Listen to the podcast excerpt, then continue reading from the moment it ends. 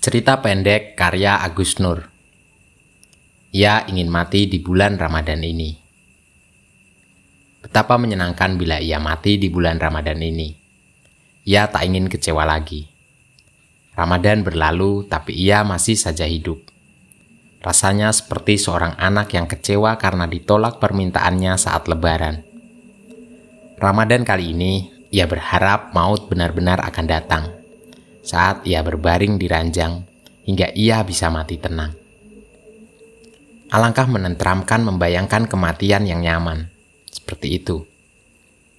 Tak ada darah membuncah dari kepala pecah, atau orang kesakitan leher digorok. Ia memejam, mengusir bayangan buruk itu. Bayangan kematian penuh darah.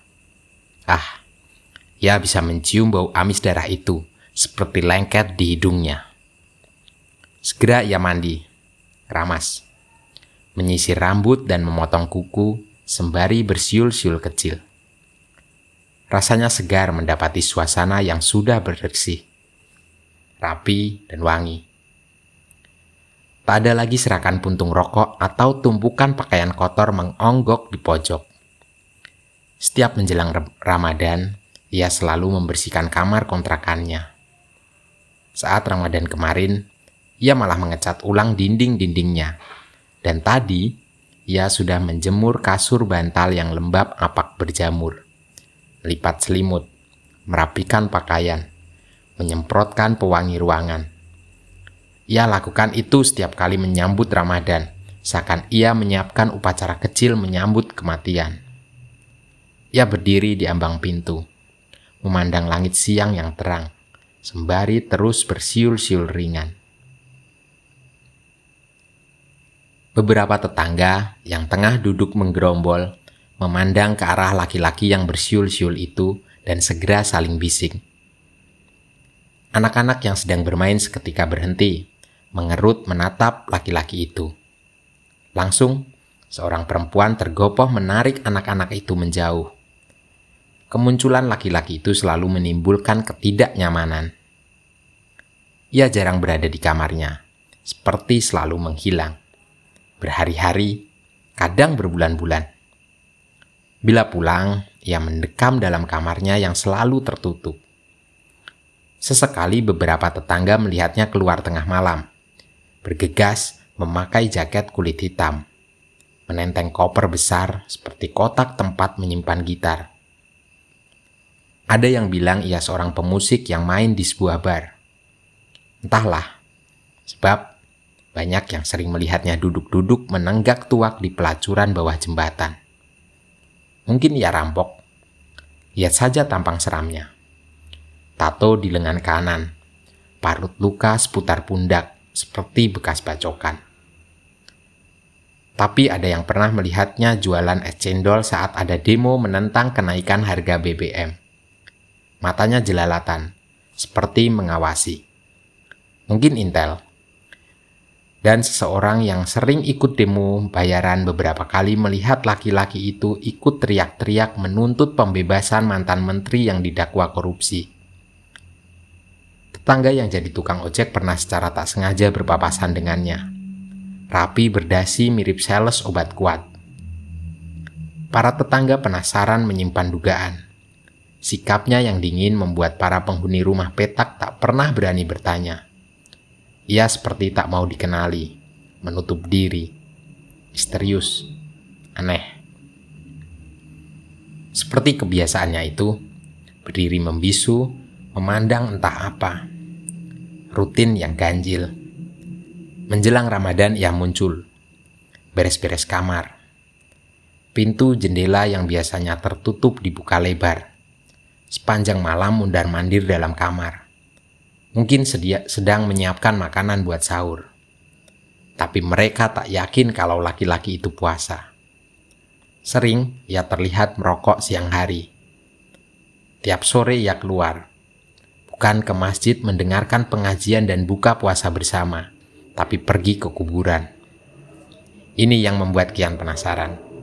Sampai kemudian beberapa orang tahu laki-laki itu ternyata sudah membeli kapling kuburan buat dirinya Juru kunci bercerita, betapa ia sering melihat laki-laki itu mencabuti rumput, menyapu, atau berdiri termangu memandangi kapling makam itu, seperti seorang yang tengah menziarahi kubur sendiri, dan orang-orang yang mendengarnya menjadi merinding. Para tetangga jadi gelisah. Barangkali ia dukun. Bisa-bisa ia mencabuli gadis di sini. Atau ia lagi menyempurnakan ilmu hitam. Kuduk mereka meremang. Sering mereka mendengar erang panjang dari kamar laki-laki itu. Mayat-mayat yang melepuh gosong terbakar itu muncul dari liang kelam, seperti iblis yang marah karena diusir dari neraka. Mereka mendengis-bengis, mengepungnya. Kulit wajah mayat-mayat itu meleleh, seperti lilin panas mencair. Ia mengerang, mengenali beberapa wajah remuk rusak itu. Wajah-wajah orang yang pernah dibunuhnya.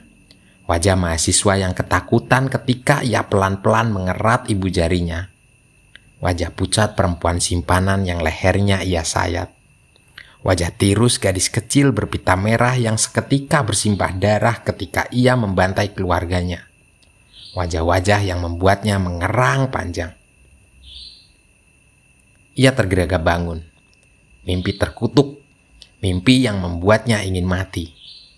Mati dengan tenang di bulan Ramadan. Meski ia tahu, sebagai seorang pembunuh bayaran, ia bisa saja menghadapi kematian yang paling buruk. Mungkin seorang pembunuh bayaran lain pada suatu malam akan menyergapnya, dan ia meronta melawan tapi tak berdaya. Ia terkapar, memandang pembunuh itu berdiri menyeringai menikmati saat-saat paling mengasihkan ketika seorang korban mengejang mati pelan-pelan. Ia pun suka menikmati saat-saat seperti itu Itulah kenapa ia paling suka membunuh pakai pisau belati. Membuatnya bisa lebih dekat dengan wajah sekarat orang yang mesti dihabisinya. Ada kenikmatan yang membius setiap kali menyaksikan urat-urat di leher korban pelan-pelan berubah menjadi lembut kehijauan. Seperti menyaksikan kematian mengecup pelan-pelan. Sejak kecil ia suka menikmati saat-saat merasakan aroma maut seperti itu ia selalu ingin berada sangat dekat. Setiap kali kakeknya menyembelih ayam. Ia tak suka bila ibunya bercerita putri-putri jelita dan para pangeran yang hanya sibuk berpesta. Ia lebih menyukai dongeng makhluk-makhluk seram penghuni hutan, kisah para raksasa penyantap manusia. Ia senang membayangkan memenggal kepala para raksasa itu. Umur tujuh tahun, Diam-diam ia membunuh kucing pamannya. Saat SMP, ia berkali-kali berkelahi, membuat lawan-lawannya bonyok nyaris mati. Ia terkenal sebagai bocah tangguh jago kelahi. Kamu pantas jadi tentara, kata teman-temannya, dan ia membusung bangga.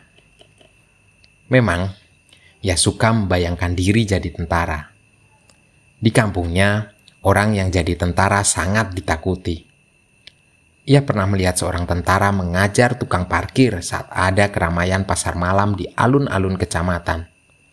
Orang-orang mengerubung. Tak ada yang berani menghentikan. Alangkah hebatnya jadi tentara, bisa memukuli orang sepuasnya. Ia pun mendaftar jadi tentara, dikirim ke medan perang. Ia paling senang ketika harus menyiksa para pemberontak. Ia melaksanakan penyiksaan dengan tenang, tertib, dan disiplin dan itu disukai komandannya. Kamu punya bakat bagus. Percuma kalau ku cuma jadi tentara. Paling mentok jadi sersan. Kata komandannya. Lalu sepulang perang, ia diberinya pekerjaan. Pekerjaan yang tak terlalu sulit. Cuma menghabisi istri seorang pejabat karena pejabat itu pengen kawin lagi. Lalu beberapa order ringan lainnya membunuh seorang pengusaha, menghabisi seorang wartawan, seorang hakim. Ia menikmati bayaran yang lumayan. Benar kata komandannya, penghasilan pembunuh bayaran lebih baik ketimbang gaji sersan. Rezekinya lancar sebagai pembunuh bayaran. Ia sudah membeli rumah buat hari tua. Tapi selama ini ia lebih memilih tinggal di sepet, sepetak kamar kontrakan tempat menyembunyikan diri. Sumpek bau comberan, tapi membuatnya merasa aman. Lagi pula ia bisa mengatasi kecurigaan tetangga. Ia akan tinggal di rumahnya, nanti bila sudah berhenti. Selalu ia mengangankan usia tua yang tenang. Ia kenal beberapa mantan pembunuh bayaran yang menderita di masa tuanya. Beberapa mati dalam penjara, beberapa menderita sakit jiwa. Sampai satu peristiwa membuat segalanya jadi tak seperti yang ia angankan. Pesan itu singkat dan jelas. Bunuh Kiai Karnawi. Dan ia mulai mengawasi. Beberapa kali ia menguntit ketika Kiai itu memberi pengajian. Ia amati raut tua Kiai Karnawi. Kulitnya yang coklat resik, rahang terkesan pipih, membuatnya makin terlihat tua dengan jenggot panjang putih bersih. Sorot matanya tenang. Bicaranya santun. Ia heran, kenapa orang seperti itu dianggap membahayakan negara dan mesti dilenyapkan. Dianggap memimpin para militan. Tapi itu bukan urusannya. Tugasnya hanya membunuh, tanpa jejak, biar nanti bisa direkayasa. Kiai Karnawi mati kecelakaan. Ia menunggu Kiai Karnawi selesai memberi pengajian. Ia tak terlalu menyimak sepotong-sepotong mendengar kiai itu bicara soal kemuliaan bulan Ramadan. Beruntunglah orang yang mati di bulan Ramadan. Mati di bulan Ramadan ialah mati yang mulia. Dan ia tersenyum, mencibir, getir. Apakah seorang pembunuh bayaran juga akan mendapatkan kemuliaan bila mati di bulan Ramadan? Semua sudah sesuai rencana ia berhasil menyamar sebagai sopir kol omprengan yang akan membawa pulang Kiai Karnawi. Ia merasa segalanya akan berjalan lebih mudah ketika Kiai Karnawi menolak tiga orang panitia pengajian yang hendak ikut mengantar Kiai Karnawi pulang. Itu lebih menggampangkan rencananya. Menyekap Kiai itu di tengah jalan, lalu mendorong mobil ke jurang. Semua berjalan sebagaimana sudah ia perhitungkan. Sampai Kiai Karnawi kemudian bicara tenang. Aku tahu kamu mau membunuhku. Aku ingin mempermudah pekerjaanmu. Karena itulah, aku tadi tak mau ada orang lain yang ikut mengantar. Biar tak banyak korban. Kamu cukup membunuhku. Tak perlu repot-repot membunuh yang lain. Ia tak tahu kenapa mobil perlahan berhenti. Ia tak mengeremnya Mari kita turun. Ajak Kiai Karnawi. Kamu bisa membunuhku di sini. Tak usah membuangku ke jurang dengan mobil itu. Sayang kan, itu mobil mahal. Nanti bisa dipakai ngompreng bila sampean memang berniat pensiun jadi pembunuh bayaran. Baru kali ini ya gemetar. Kiai Karnawi minta izin untuk salat terlebih dahulu. Setelah itu kamu bisa membunuhku. Tapi tolong, yang pelan. Jangan sampai aku kesakitan ya. Hehehe. Kiai Karnawi terkekeh. Lalu menggelar sajadah. Ia meraba belati. Gemetar tak yakin. Lalu meraba pistol yang ia siapkan sebagai cadangan. Ia bisa menembaknya. Tapi sampai Kiai Karnawi selesai salat, ia hanya berdiri gamang. Sekarang, lakukan tugasmu. Mungkin Allah memang memilihku mati di bulan Ramadan. Alhamdulillah. Kalau boleh memilih, aku sih ingin matinya dengan cara enak dan nyaman di bulan Ramadan. Gak usah merepotkan sampean. Lalu kembali Kiai Karnawi tertawa ringan. Ia merasa senja meremang. Yang terjadi kemudian lebih serupa bayang-bayang suram. Terdengar letusan, senyap, kelebat bayang burung menyambar kemeresek daun jati jatuh. Pelan, lengking gagak di kejauhan. Dengung jutaan serangga mengepung. Singup seperti ada jutaan pasang mata yang mengawasinya dari balik rembang petang. Jutaan pasang mata yang sejak itu terus mengintainya.